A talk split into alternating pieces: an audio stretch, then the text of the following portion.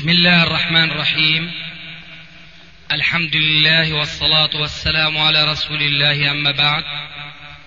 فهذا أحد أشرطة سلسلة الهدى والنور من الدروس العلمية والفتاوى الشرعية لشيخنا المحدث العلامة محمد ناصر الدين الألباني حفظه الله ونفع به الجميع. قام بتسجيلها والتأليف بينها محمد بن أحمد أبو ليلى الأثري إخوة الإيمان والآن مع الشريط الواحد والخمسين بعد المئة السابعة على واحد تم تسجيل هذا الشريط في الثالث عشر من الشهر العاشر 1413 هجري هنا سائل تأذن له ولا عندك شيء؟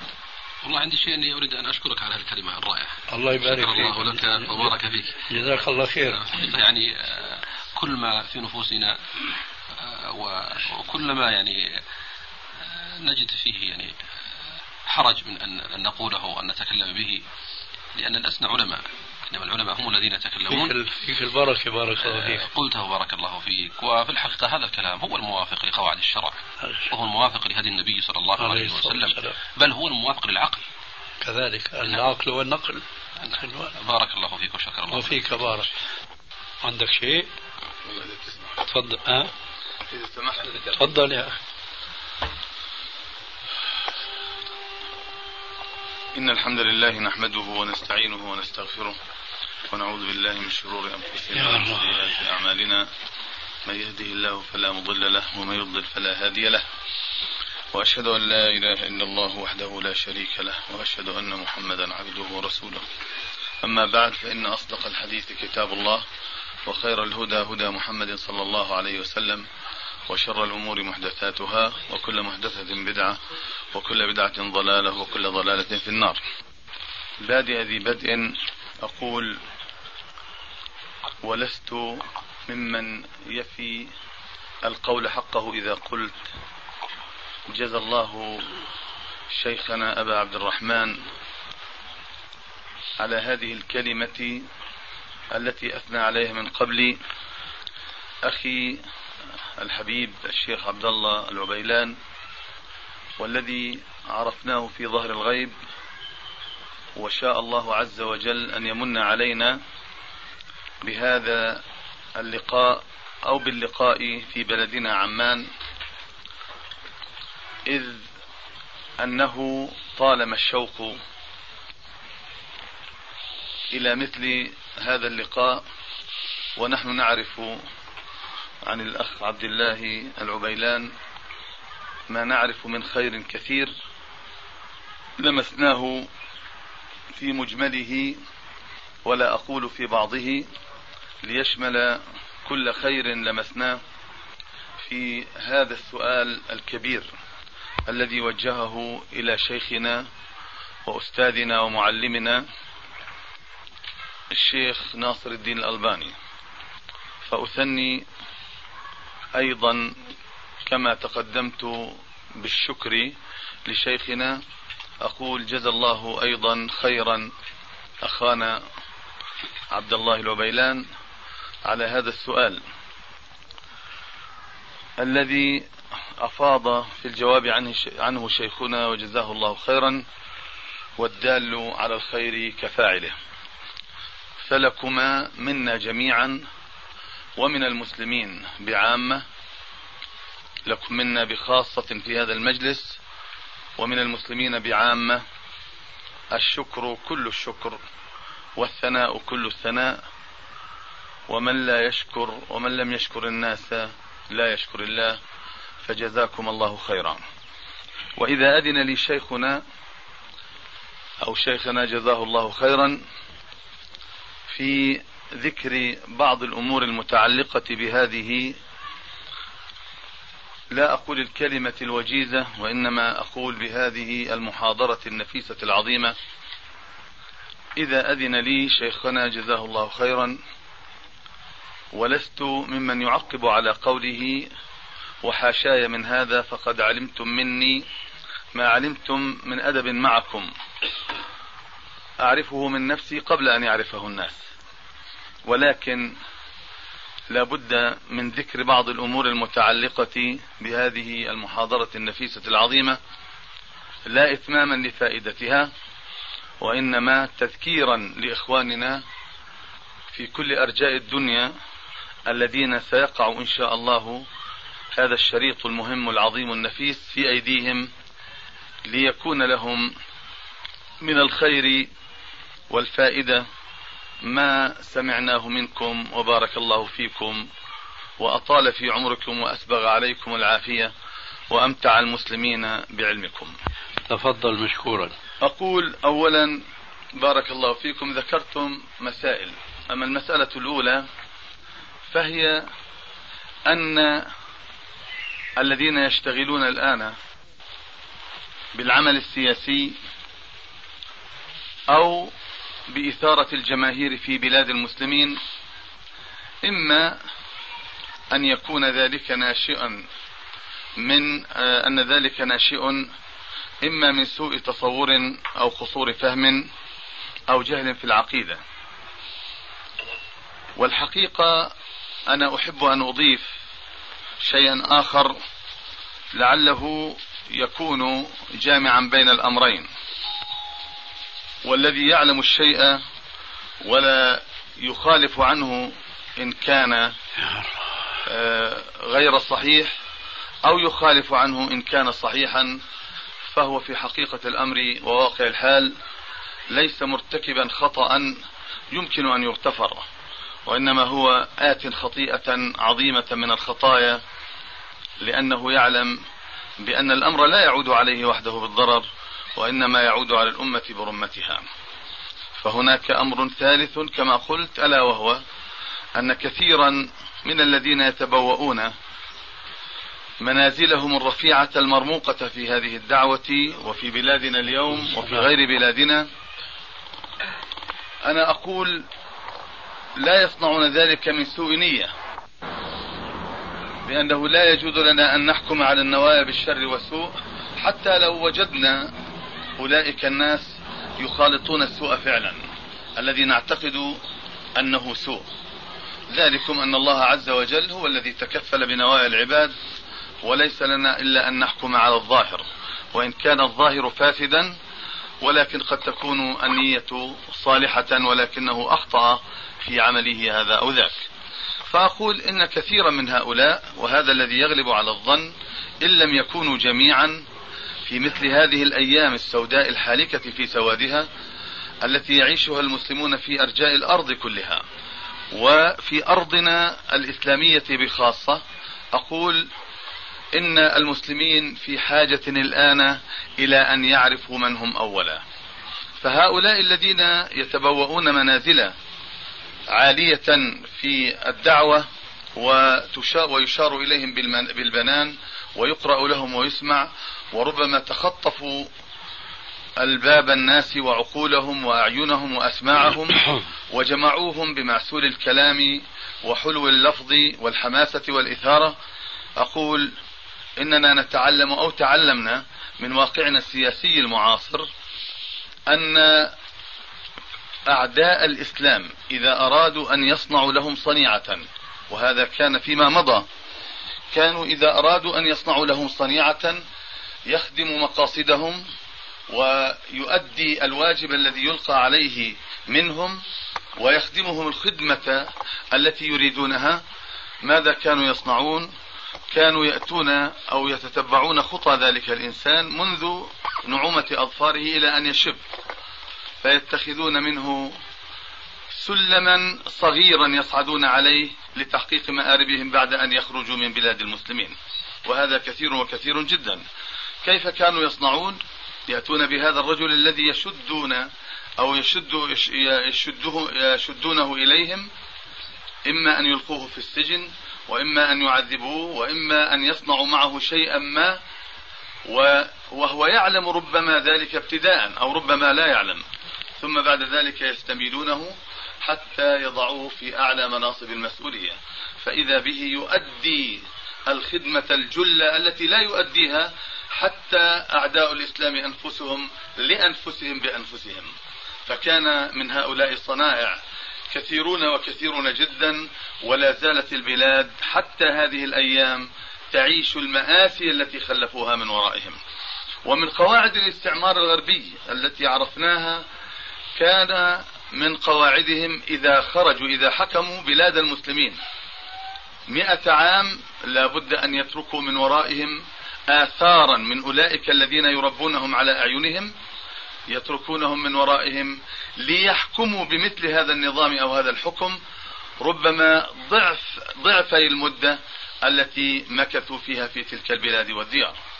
فأقول الآن ربما كانت هناك صناعة أخرى تشبه هذه الصناعة في أهدافها وغاياتها وإن اختلفت في أسلوبها ولكنها في حقيقتها لا تختلف ألا وهي أن أعداء الإسلام ربما أخذوا يوجهون بعض بعض الناس توجيها خفيا بعيدا ويوجهونهم بالأساليب التي يعرفونها. وقد عرفنا في مأساة الحرب التي وقعت في آه، قبل ثلاث سنوات وأودت إلى فرض النظام الأمني العالمي الجديد على بلاد المسلمين. عرفنا أن الكفار ما وصلوا إلى ما وصلوا إليه إلا بإثارة النفوس وتهيئتها بأن صوروا بعض الناس في بلاد المسلمين بأنهم أقدر الناس على أن يضربوا هذه القوة الغربية برمتها بجيوشها وعدتها وعددها وأسلحتها إلى غير ذلك. فكانت المأساة من هذا الباب. وهذا ربما لم يكن عندهم أو كان عند ذلك الذي وجه ربما كان يعرف أو لا يعرف. ولكن هذا لا يهمنا. يهمنا أولئك الذين يتفقون معنا في البحث عن الغاية والوصول إلى الوسيلة المناسبة التي تحقق تلك أو هذه الغاية. يهمنا أمر هؤلاء كثيرا جدا وهم إخواننا ولا شك في فهم العقيدة على الأقل. أما إن أخطأوا في الأسلوب فعلينا أن نبادرهم قبل أن يستفحل الشر ويطول ثم بعد ذلك تكون النتيجة مأساة أكبر وأعظم من تلك المأساة التي لا زلنا ولا أدري متى ستنتهي آثارها من حياتنا التي نحياها. لذلك أقول إن بعضا من هؤلاء ربما صور لهم أو وضعت لهم غايات بعيدة وأخذوا يحركونهم من وراء ستار ويوجهونهم التوجيه الذي ربما أودى بنا إلى ما هو شر مما وقعنا فيه.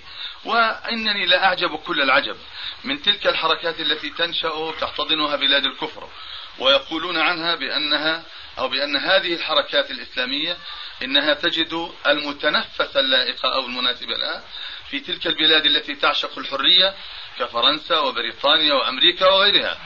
ألا يدري هؤلاء بأنهم يعيشون في ظل الكفر وأن هذه الدول الكافرة إنما تريد الوقيعة بينهم وبين المسلمين في أرض المسلمين نفسها. إنني لا أعجب لهؤلاء. هؤلاء يفقهون الواقع جدا ولكننا نحن لا نفقه الواقع عندما نريد أو نقول للناس افهموا عقيدة الإسلام أولا تصفية وتربية بمقتضيها ومقتضاها معا حتى نكون نحن الذين نعرف كيف نخاطب الناس على الأمد البعيد والقريب. هذه واحدة. أما الثانية جزاكم الله خيرا فقد أشرتم إلى مسألة مهمة وأرجو الله عز وجل أن تكون هذه المسألة تقع في مسامع المسلمين جميعا في هذه الأيام لأهميتها وضرورة أن تصلهم جميعا. ألا وهي؟ أن كثيرا من إخواننا الذين يشاركوننا آه هذا المنهج. ربما لا يفهمون العقيدة الصحيحة التي نحن ندندن وندعو الناس إليها. ونقول وندعي بأننا نفهم العقيدة. وقد ألمحتم إلى هذا بمثل ضربتموه وهو مثل واضح بين. والكثير أيضا من إخواننا أيضا ربما يقولون بمقولة أولئك المفوضة الذين لا يقولون بأننا نفهم النصوص على ظاهرها ولكننا أيضا نفوض النصوص فهما ومعنى للذي لله تبارك وتعالى ولبيان رسوله صلى الله عليه وسلم الذي بين لنا شيئا وأخفى عنا شيئا. لذلك أقول هنا هذا الفهم المبتسر أو الناقص العقيدة. أقول حقيقة فعلا بأن كثيرا من إخواننا في حاجة إليه وإني لأعجب كل العجب والله لأولئك الذين يقولون يتصدرون موائد الدرس والبحث والمحاضرة والمناظرة والدعوة إلى الإسلام يقولون إن عقيدة الإسلام من أولها إلى آخرها يمكن أن نفهمها في بضع دقائق. كيف يمكن فهمها في بضع دقائق؟ ونحن نجلس الآن معكم منذ أكثر من ساعة من ساعة ونصف وأنتم تبينون لنا شيئا بسيطا أو جزئيا من جزئيات العقيدة الإسلامية الصحيحة. فكيف يتصور من هؤلاء أن يقولوا لعامة المسلمين ولا أقول لخاصتهم لأنهم يضربون المثل بأولئك العرب الذين كانوا كان أحدهم يجلس أمام النبي صلى الله عليه وسلم ثم يسأله السؤال فيحمله وينطلق إلى عشيره وقبيله. لقد ذكرتم أيضا بأن العرب استعجموا. كما أن الأعاجم استعربوا فإن العرب قد استعجموا أيضا وفي صلب بلادهم وفي عقر دارهم صار الاستعجام على ألسنتهم. فكيف لهؤلاء أن يفهموا العقيدة في عشر دقائق؟ وربما لا يفهم أحدهم الحكم الواحد من أحكام الصلاة أو الصيام. وتمضي الأعوام تلو الأعوام ويأتي شهر الصيام مرة في كل عام. ثم بعد ذلك تجد عامة الناس وخاصتهم يسألون في حكم واحد تكرر في كل عام. فهل يمكن أن يفهم الفرع إذا لم يفهم الأصل؟ وكيف يفهم الأصل إذا كان مثل هذا الفهم يلقى في أسماعهم وعلى قلوبهم وعلى ألسنتهم؟ لذلك الذي أقوله لهؤلاء الإخوان الذين يدعون إلى التغيير الجذري كما يقولون وبأنه آن للأمة أن تخرج من خمخمها وأن تسير إلى الغايات التي نصبت لها. أقول لهؤلاء الإخوة جزاكم الله خيرا ولا نسيء فيكم الظن ولا نحملكم على التخطئة حملا. ظنا منا أنكم أنتم أخطأتم فقط ولكن نقول إن الظاهر هو الذي يحكم عليه. لذلك نحن نحرص عليكم أو على مصلحتكم كما تحرصون أيضا على مصلحة المسلمين ونحن أيضا ربما نكون بهذا الفهم الدقيق وهذا الفقه البصير وهذا النظر السديد الذي من الله به على شيخنا وعلى أيضا من يتهم بأنه يأخذ العلم عنه بأنه يدور في فلكه ويأخذ عنه لأنهم لأنه يريد بهم الرجوع إلى الوراء. أقول لهؤلاء إننا على فهم إن لم نكن أحسن منكم فيه في دين الله عز وجل في كثير من القضايا فإنكم لا تفوقوننا فهما في هذه المسألة المهمة التي تسمونها فقه الواقع.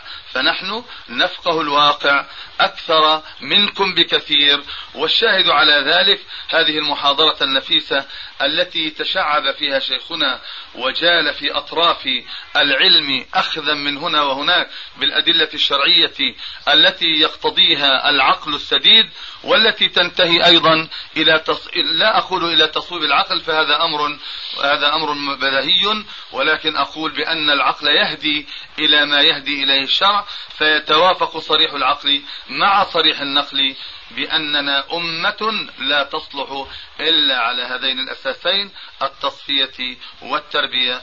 وأخيرا وليس آخرا أقول جزاكم الله خيرا يا شيخنا وبارك فيكم وجد الله عنا ضيفنا العزيز أخونا الشيخ عبد الرحمن عبد عبد الله العبيلان على هذا السؤال القيم النفيس الذي جادت آه، قريحة شيخنا بعلمه الذي نعرفه عنه بهذا العلم الذي وقفنا. ولا أقول بأننا زدنا إيمانا بما يقول شيخنا بل إننا نزداد يوما بعد يوم بأنه لا يصلح لهذه الأمة إلا مثل هذا الفهم الذي ألقاه على مسامعنا شيخ شيخنا وجزاه الله خيرا. والسلام عليكم ورحمة الله. جزاكم الله خيرا. لك كلمة. جزاكم الله خيرا كثيرا. جزاك الله ونفعنا بما سمعنا جميعا. يستفيد من مجالسته. يستفيد منه ولو كان دونه في العلم فكيف إذا كان سويه أو فوقه؟ فستكون فائدة أكبر. والأخ عبد الله ما شاء الله ولا نزكي على الله أحدا. من نوادر الطلبة مثالنا ممن إذا التقينا بهم استفدنا منهم. وأنا أظن سمعتم هذا مني أكثر من مرة. أنني آه، منذ كنت في الشام ووعيت على نفسي وعلمي أقول أنا مستعد أن ألتقي مع أي شخص فهو إما أن يكون مثلي في العلم أو فوقي أو دوني فأنا مثل منشار الطالع النازل حأستفيد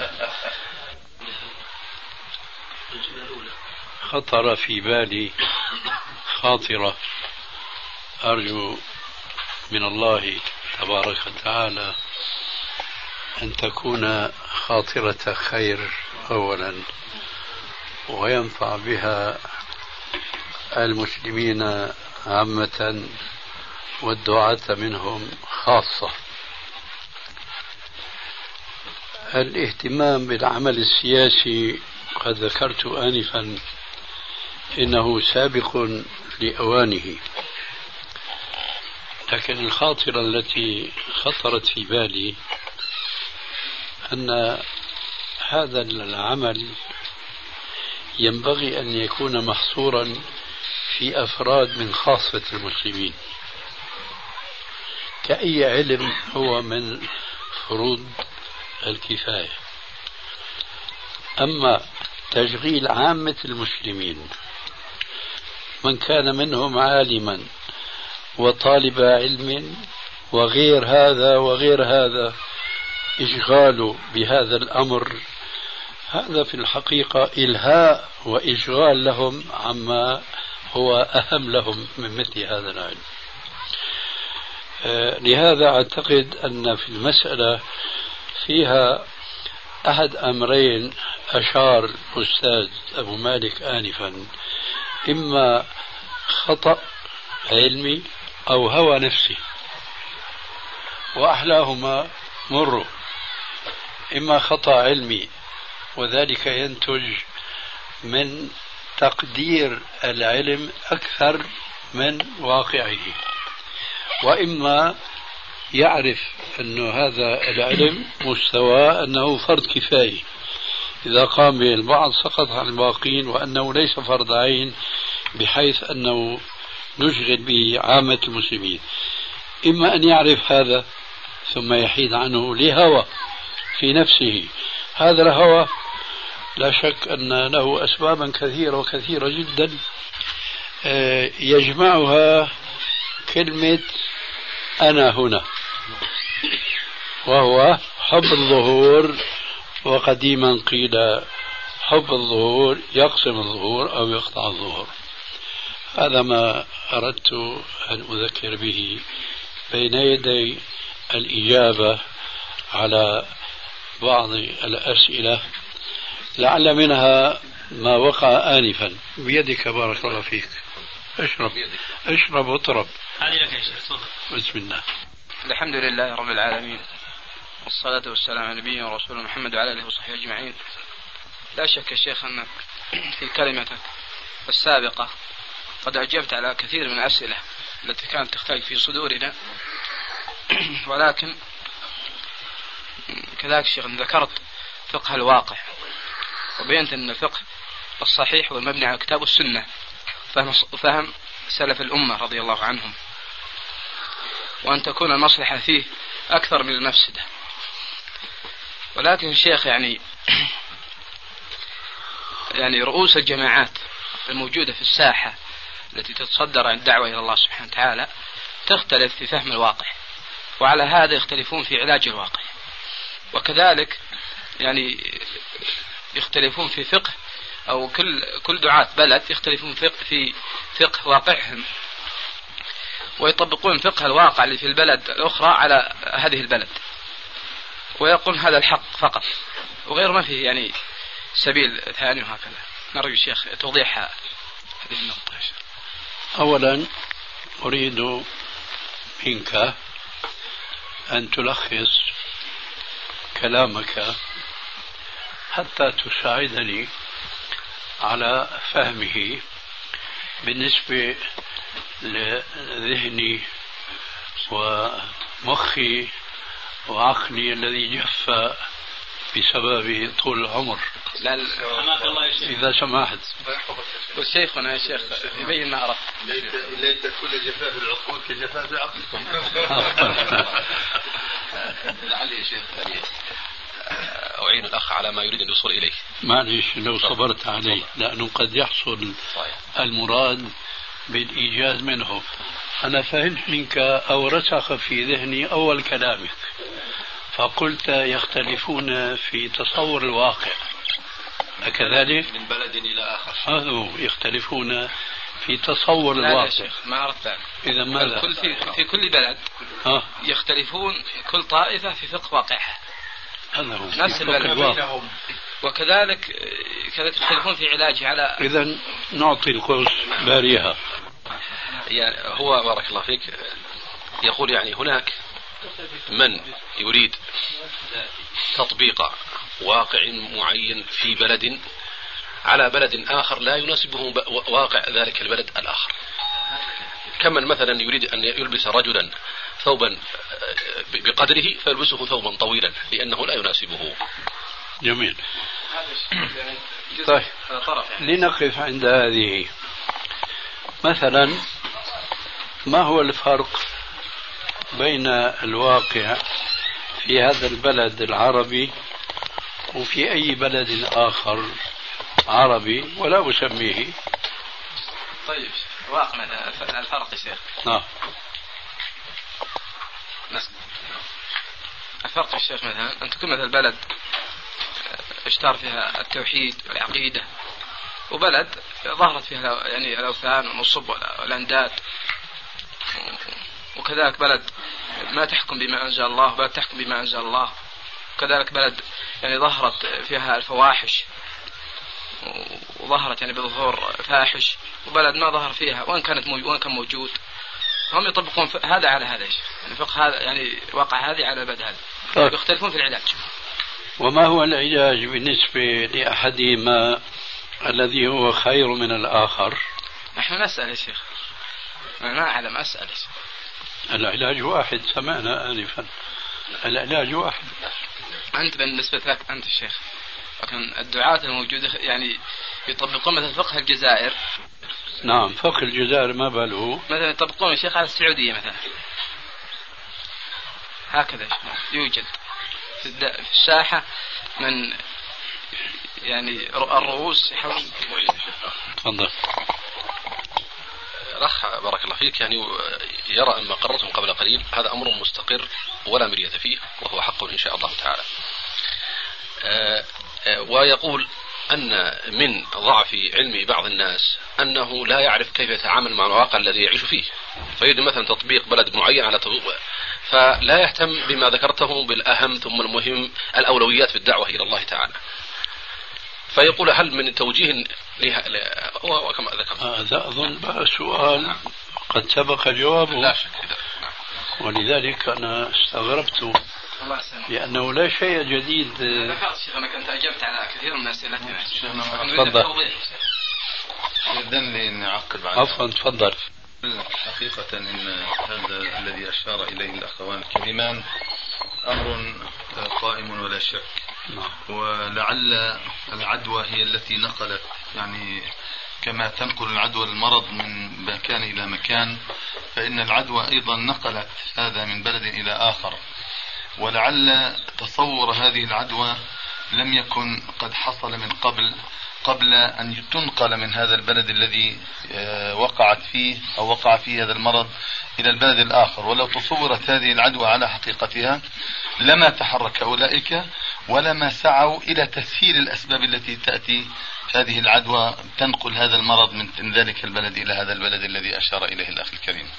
فأنا أقول بالإضافة إلى ما ذكرتم العلاج في نقطتين أساسيتين. أما النقطة الأولى فهي أن يلتقي أولئك الدعاة الذين يتصدرون للدعوة في كل بلاد المسلمين. ورؤوسهم ورموزهم معروفة مشهورة. فأن يدعوا إلى لقاء مع إمام السنة في هذا الزمان وهو الشيخ ناصر الدين الألباني عفوا. أن يدعوا للالتقاء لالتقائه و آه، في آه، كما يقال في مخد في في آه، يؤتى الحكم في بيته يؤتى الحكم. في بيته يؤتى الحكم. وأنا أقول أنا أوجه الدعوة لهؤلاء الإخوان جميعا الذين شهروا كرموز للدعوة ورؤوس لها في كل بلاد المسلمين وأن يلتقوكم هنا في هذا البلد. وأنا أقوم بضيافتهم وحق الواجب الإسلامي المفروض شرعا. وأنا أقول أنا أوجه الدعوة لهؤلاء الإخوان جميعا الذين شهروا كرموز للدعوة ورؤوس لها في كل بلاد المسلمين. وأن يلتقوكم هنا في هذا البلد. وأنا أقوم بضيافتهم وحق الواجب الإسلامي المفروض شرعا علينا. هذه واحدة. ولا شك أن كثيرا من المخالفات أو الاختلافات التي وقعت نتيجة الاجتهادات وأنا كما سبقت كما بينت سابقا في نعم. كلمتي قلت نحن لا نتهم النوايا.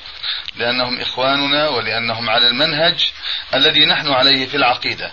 وإن اختلفوا في الاجتهادات التي أدت إلى ما أدت إليه فهذا ربما يعذرون به في اجتهادهم ولكن إذا بقي هذا الاجتهاد يسير في هذا الطريق الخطأ فإنه يصبح في مستقبل الأيام خطيئة تفرض نفسها بكل بشاعتها على المسلمين في كل أرجاء الأرض. وقد صرنا نرى آثارها السيئة في واقعنا في بلاد المسلمين في مشارق الأرض ومغاربها.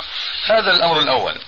أما الأمر الثاني فأن يكون هناك تحضير لهذا الالتقاء الذي يتم معكم. بأسئلة محددة يضعها كل واحد منهم في سؤالين أو في ثلاثة. وليختر من الأسئلة ما شاء في لا تزيد عن ثلاثة أسئلة أو عن ثلاث أسئلة لأن هذه الأسئلة إذا زادت عن حدها فيصبح من العسير جدا لأنه ستبقى أيام وليالي وربما شهور ولا ينتهي الأمر. ولذلك تختار لكل واحد أو يختار لكل أو يختار كل واحد من هؤلاء الإخوة الذين يمكن أن نحددهم ونقول فلان وفلان من بلد الفلاني وفلان من البلد الفلاني وهكذا. وأنا أعتقد بأن الهيجة التي أثيرت في بلاد المسلمين ما عدت الحقيقة آه، في تصوفي في اعتقادي وفي ظني أنا آه، أنها صدرت من آه، ثلاثة أو أربعة من الإخوان في كل أرجاء العالم الإسلامي لأن العالم الإسلامي يتأثر سرعان ما يتأثر وبخاصة شبابه لأنهم متعطشون حقيقة للإسلام أن يكون له يوم وهذا أمر عند الله تبارك وتعالى. فأقول بهذين الأمرين الأساسيين يمكن أن يكون هناك توضيح للمسائل التي يختلف عليها وأحسب أن دعوتكم التي وجهتموها لأخينا عبد الرحمن عبد الخالق إن هي إلا شيء من هذا الذي آه، نقول به الآن. وإن شاء الله عز وجل يتحقق هذا الأمر ويكون فيه الخير كل الخير لهؤلاء الدعاة والمسلمين جميعا. إن شاء الله. وأقول تتمة لذلك. نعم. أي نعم. أقول تتمة لذلك. بعد أن يتفق طبعا ولا أريد أن طبعا نحن لا نلزم الناس لأن ليس بيدنا سيف السلطان كما يقال. وإنما أقول آه، بعد الاتفاق على هذا وتسجل هذه الندوات أو هذه الأسئلة والإجابات عليها ومناقشتها وبحضور عدد من الإخوة العقلاء تسجل وتنزل هذه التسجيلات على أوراق مكتوبة ثم توزع في أرجاء العالم الإسلامي بعد أن يتم الاتفاق عليها وأن يعاهد الجميع الله عز وجل على أن لا يخالفوا عن هذا المنهج بعد اليوم. احسنت وجزاك الله خيرا. ماذا عندك؟ جزاكم الله خيرا كثيرا شيخنا. كأني بكلامكم شيخنا قد وضع النقاط على الحروف في كثير من القضايا بحمد الله. جزاك الله خير. هذا أولا. وسؤال الأخ الكريم الذي سأله يبدو أني فهمت شيئا منه. قد يكون فهما خاصا لكن أطرحه بين أيديكم وترون ما فيه من صواب. إن شاء الله كله صواب نرجو الله ذلك. الشيء الذي نركز عليه وننتسب إليه وننافح دونه هو فهم السلف. نعم. وفهم السلف لكتاب الله وسنة رسول الله صلى الله عليه وسلم. إذ هذا الفهم هو صمام الأمان لهذين الوحيين الشريفين. فلو أننا تركنا الحبل على غاربه للفهوم والعقول لذهب كل أحد منا فضلا عن غيرنا على رأيه وعلى رأسه. فهذه القاعدة في الحقيقة نسيها كثير من الناس في غمرة انشغالهم السياسي لماذا؟ طالما أنهم هم أنفسهم في غمرة انشغالهم السياسي اختلفوا في تقرير الداء من نظرتهم السياسية وعليه فيختلفون في تقدير الدواء آه. فإذا كان الاختلاف في البدء والاختلاف في المنتهى فماذا تكون النتيجة بينما لو كان العلاج الأمثل والدواء الأصفى هو الأساس الذي يسير عليه الدعاء في تربية الأمة وفي إنشاء أجيالها وفي تعميق المفاهيم في نفوس شبابها. وهم كما ذكرتم وأنتم مشايخنا تواقون وراغبون ومتطلعون ونهمون لمعرفة أحكام الشريعة وتطبيق الإسلام والحلم بذلك اليوم الذي ترفع فيه لا إله إلا الله أو راية لا إله إلا الله خفاقة في سماء الدنيا وفي أعالي الديار وفي أباعدها وأقاربها. أقول طالما أن هذه النظرة إذ تختلف في بدئها وانتهائها وهي أهلها مختلفون فيها فهذا وحده دليل عملي تطبيقي واقعي أن نرجع إلى هذا الذي نحن نقوله وننادي به منهم استجابة لدعوتنا ودعوة مشايخنا وعلمائنا من قبل فهذا والله أكبر حل لمشاكل الأمة. وإن كان الحل قد يكون في أذهان كثير من الشباب طويلا لكنه هو الذي قال الله في مثله وأن هذا صراطي مستقيما فاتبعوه ولا تتبعوا السبل فتفرق بكم عن سبيله. والله تعالى أعلم. جزاك الله خير. كلمة حق ما عليها. غبار نعم. رجل أصوله أصول أهل السنة ويسير على منهجهم وعرف بدفاعه عنهم وخدمته لمنهجهم وتصدر منه أحيانا بعض الأخطاء المنهجية فهل يحذر منه بشخصه أم بتبيين أخطائه؟ الأخرى وليست الأولى. ما الفرق بين السؤال هذا يا شيخ. أيهما أولى بالإستعمال دائما؟ لفظ أهل السنة أم لفظ السلف؟ سلف. طيب هناك البعض يقول أن لفظ السلف ما جاء استعماله إلا متأخر يعني هم يقيسوا بأنه متأخر من عهد ابن تيمية وجاي أما اللفظ اللي يعني دارج استعماله من من من قدم لفظ أهل السنة والجماعة. متى تاريخ هذا؟ والله وقف حمار الشيخ عند العقبة. والله أنا سألت عن الأولى متى تاريخ لفظ السلف؟ فقالوا يعني ما يعرف إلا من زمن ابن تيمية. أنت تحيزت مع أولئك على هؤلاء. لما لم تسأل أيضا؟ كما سألت عن هذه. فاتني يا شيخ. بس بصير تجاوبني يعني. أقول لك علمي والله أعلم بطبيعة الحال أن كلا من الاستعمالين حادث. ها. ولكن هذا الحدوث ليس له علاقة بالإحداث. أي ليس له علاقة بالبدعة وإنما علاقته بالعرف. فكلمة أهل السنة والجماعة كانت ولا تزال تعني طوائف من الناس. أما لفظة السلف والسلفي أو السلفيين فإنما تعني طائفة من الناس. إلى هنا مفهوم الكلام؟ طيب. ولا شك أن الطائفة المنصورة والفرقة الناجية هي فرقة أو طائفة واحدة. أما أهل السنة في الصلاح الذين يستعملون هذه اللفظة فهي طوائف وجماعات عديدة. وأول ما يتبادر عند الذين يستعملون هذه الكلمة إلى ما قبل العهد الحاضر الآن إنما هم الأشاعرة والماتريدية. هم أهل السنة والجماعة. فإذا قرأتم في كتب العقائد التي تعرف بعلم الكلام مثل مثلا الجوهرة وشروحها وحواشيها ونحو ذلك فستعلمون ونحمد الله أنكم لا تعلمون أن المقصود بهذه الكلمة هم أولئك الأشاعرة والماتريدية. الذي ألحظه الآن أن هذه الكلمة تستعمل ككلمة سياسية لاصطياد بعض الناس بالألفاظ المعزولة ولتكثير الجماعة الداعية. ولو كانت دعوتهم يغلب عليها الصواب على الخطأ. لكن طعموها. طعموها بألفاظ وبأساليب سياسية. ولذلك فالذي بدا لي والله أعلم وبناء على ما بدا ما بدا لي اقترحت على بعضهم ترك هذا الاستعمال أهل السنة والجماعة لأنهم حينما يطلقونها فجماهير المسلمين اليوم حتى لو حصرناهم في من يسمونهم بأهل السنة والجماعة.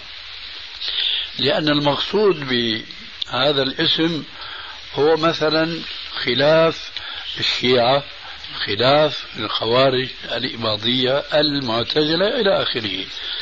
أما الأشاعرة والماتريدية فهو أول ما يدخلون في هذا الاسم. نعم. فحينما يستعمله أو يستعمل هذا اللفظ بعض الدعاة اليوم ولو كانوا على المنهج السلفي فإنما يستعملونه سياسة.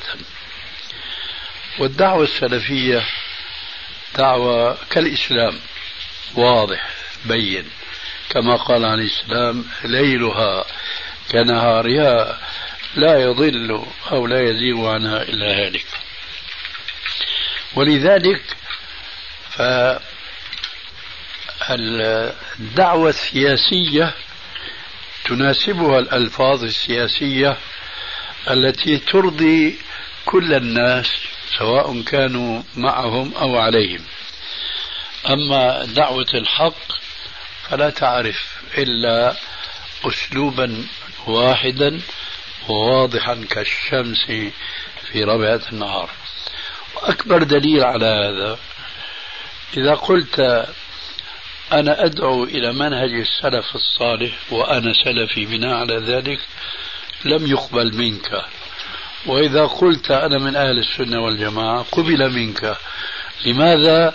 لأن هذا الاصطلاح شامل. وهذه دعوة ولا مؤاخذة وما هي من الغيبة بصلة أو بنسب. هذه دعوة الأخوة المسلمين مثلا الذين يجمعون السلفية والخلفية والصوفية والشيعية وإلى آخره. لأنها دعوة عامة لا يريدون التصفية التي نحن ندندن حولها. ولعل من المناسب أن نقول الآن أن التصفية التي ندعو إليها ليست فقط بالعقيدة وبالعبادة بل وبالألفاظ أيضا لأنها من تمام العبادة. فقد أدبنا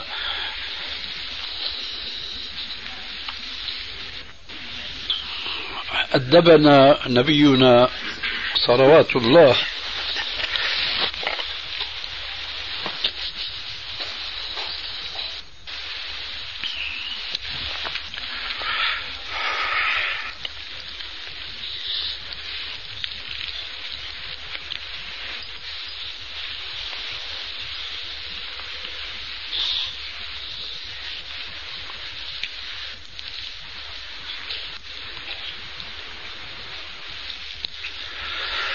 لا إله إلا الله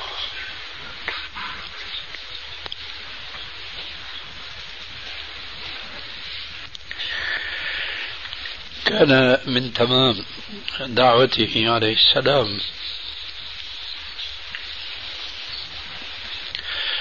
وإصلاحه للمسلمين أنه عني بصلاح ظواهرهم وليس فقط بواطنهم. فكثيرا ما نراه عليه السلام يعالج أخطاء لفظية وخاصة فيما كان اللفظ منافيا للتوحيد وإن كان اللافظ لذلك اللفظ لا يريد ما يبدو من لفظه من مخالفة التوحيد. قلت وبخاصة ذلك لأن إصلاحه عليه السلام للألفاظ كان عام من ذلك بكثير.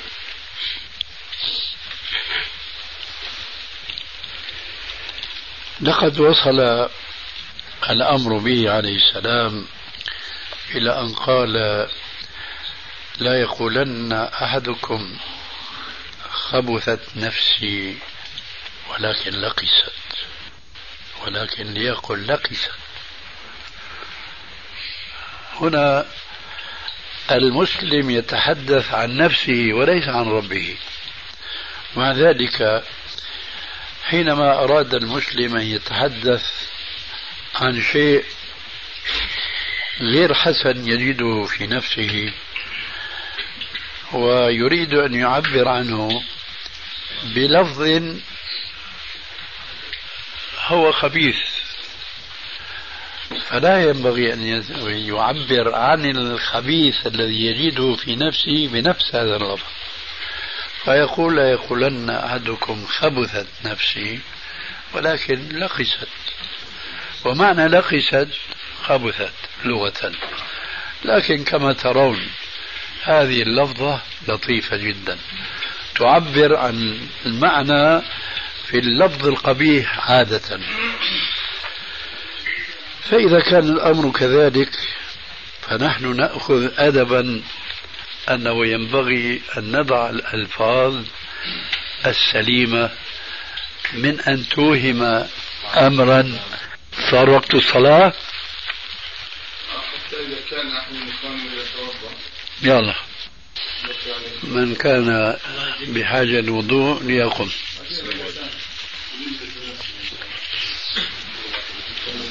على ذلك يا شيخ إذا استعمال السنة والجماعه ليست دقيقه كيف؟ على ذلك استعمال لا ليست دقيقة بل هي مطاطة.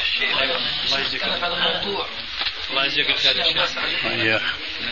لا أنا أردت له لأنه في كثير من الناس فعلا. لذلك حديث في مسلم قال الرجل من يطع الله ورسوله فقد رخص ومن يعصيه فقد قال بئس خطا القوم قل من يعصي الله ورسوله. هذا بارك الله فيك داخل فيما قلته نعم هذا أقول يتعلق بالتوحيد. نعم، هذا قصدي لكن أنا أردت أن نلفت النظر إلى ما هو دون التوحيد. آه. بارك الله فيك. لأنه تلك من باب أولى. لا شك. لكن هذه هو ال- ما نبدأ به إصلاح الألفاظ حتى المتعلقة بغير التوحيد. كان التوحيد أعظم. جعلتني لله ندا ما شاء الله. حديث معروفة في هذا. نعم.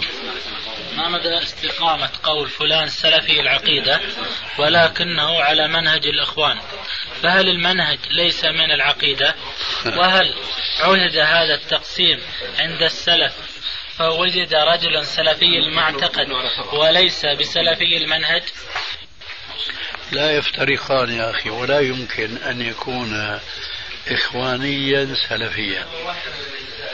لكن سيكون سلفيا في بعض وإخوانيا في بعض أو إخوانيا في بعض وسلفيا في بعض.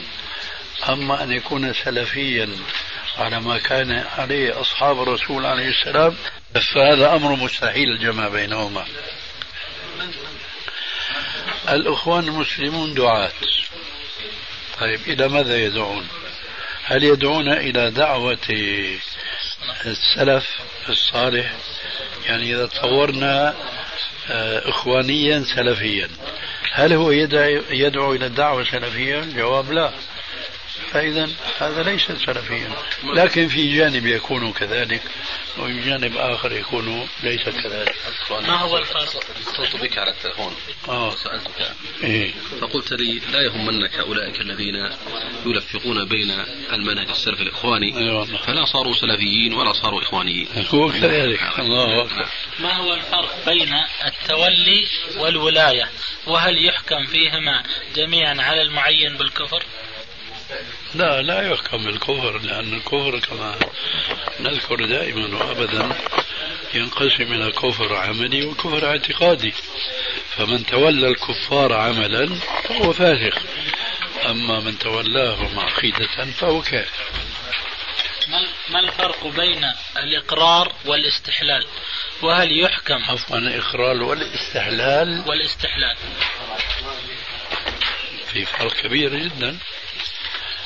الإقرار هو أن يرى الشيء ويقره واقعيا ولكن قد يكون في قرارة قلبه غير مقر بهذا الذي أقره. مثلا قوله عليه السلام من رأى منكم منكرا فليغير بيده فإن لم يستطع فبلسانه فإن لم يستطع فبقلبه وذلك أضعف الإيمان.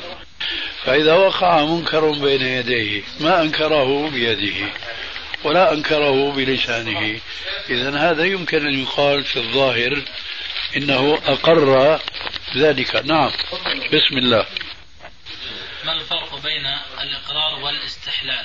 وهل يحكم فيهما جميعا على المعين بعد إقامة الحجة بالكفر؟ تتم السؤال السابق. نحن قلنا أن الكفر نوعان كفر اعتقادي وكفر عملي.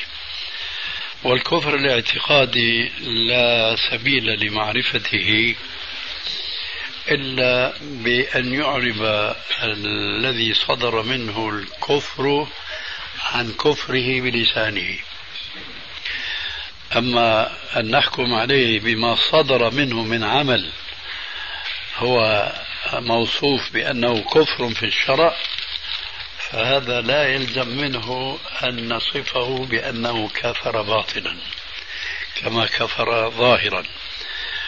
وكنت آنفا وأنا أتحدث عن موضوع التعبير عن الفرقة الناجية وعن الطائفة المنصورة بالعبارة المتداولة اليوم ومنذ مئات السنين. أهل السنة والجماعة كنت أتحدث بأن الإسلام من كماله أنه جاء لإصلاح الظواهر والبواطن. لم يأتي فقط الإسلام لإصلاح البواطن دون الظواهر وإنما عني بإصلاح الأمرين كليهما. والسبب في هذا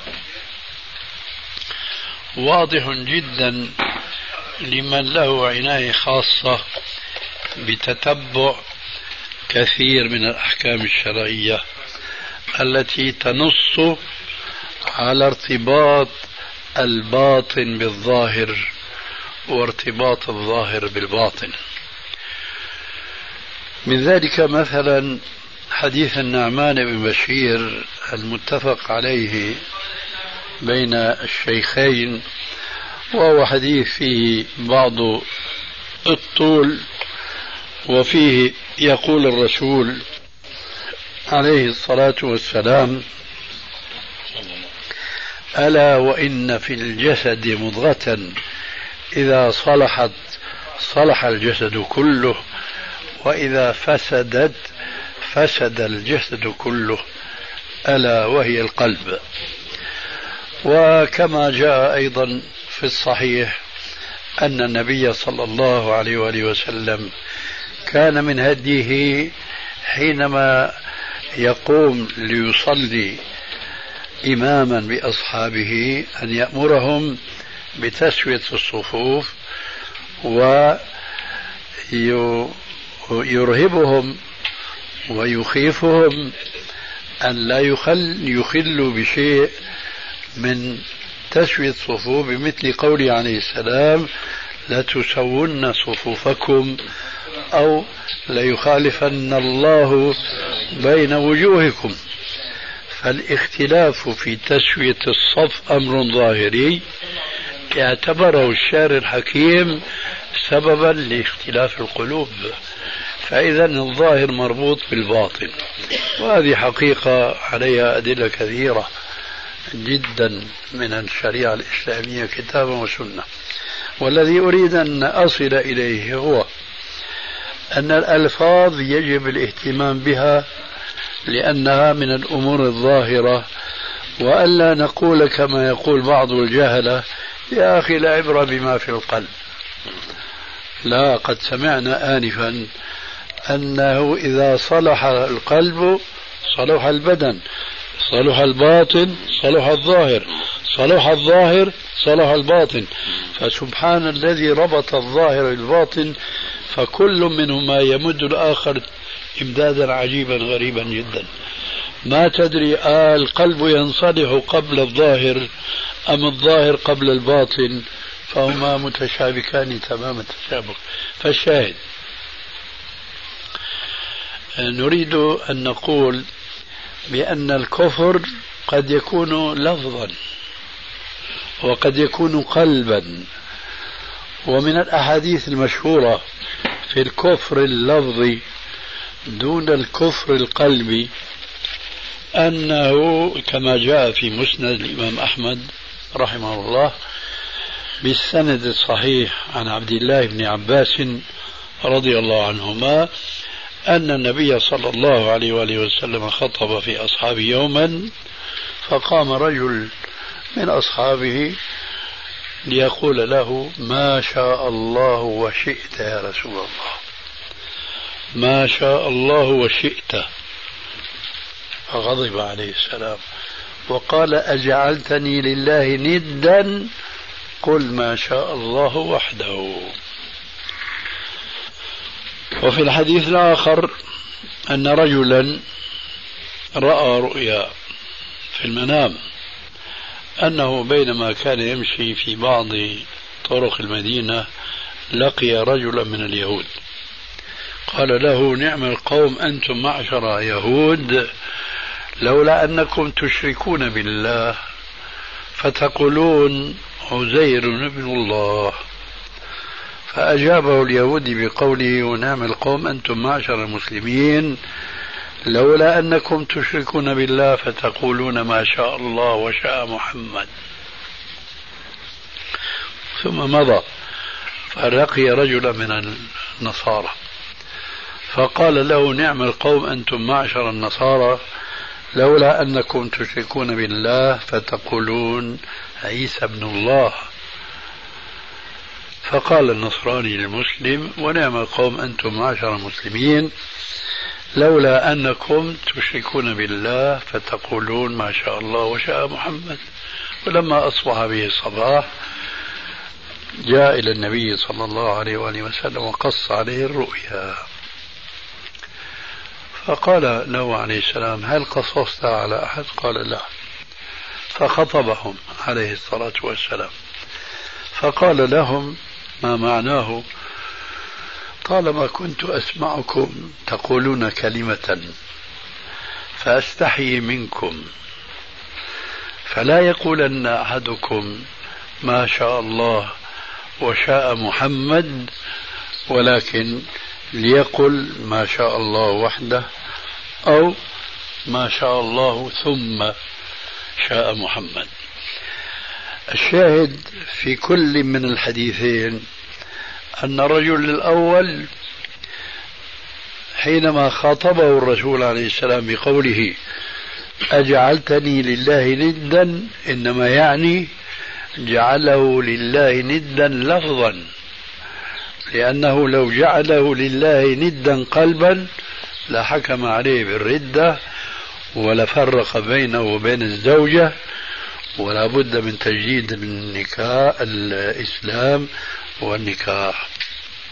لكن يعلم رسول الله صلى الله عليه وآله وسلم أن هذا الصحابي ما آمن بالله ورسوله إلا فرارا من الشرك ولكن لم ينتبه لسوء اللفظ وسوء التعبير الذي يدل على أن إرادة الله مقرونة بإرادة رسول الله أو أن إرادة رسول الله مقرونة بإرادة الله.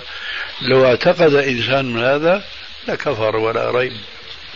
لكن ما خطر في باله هذا المعنى.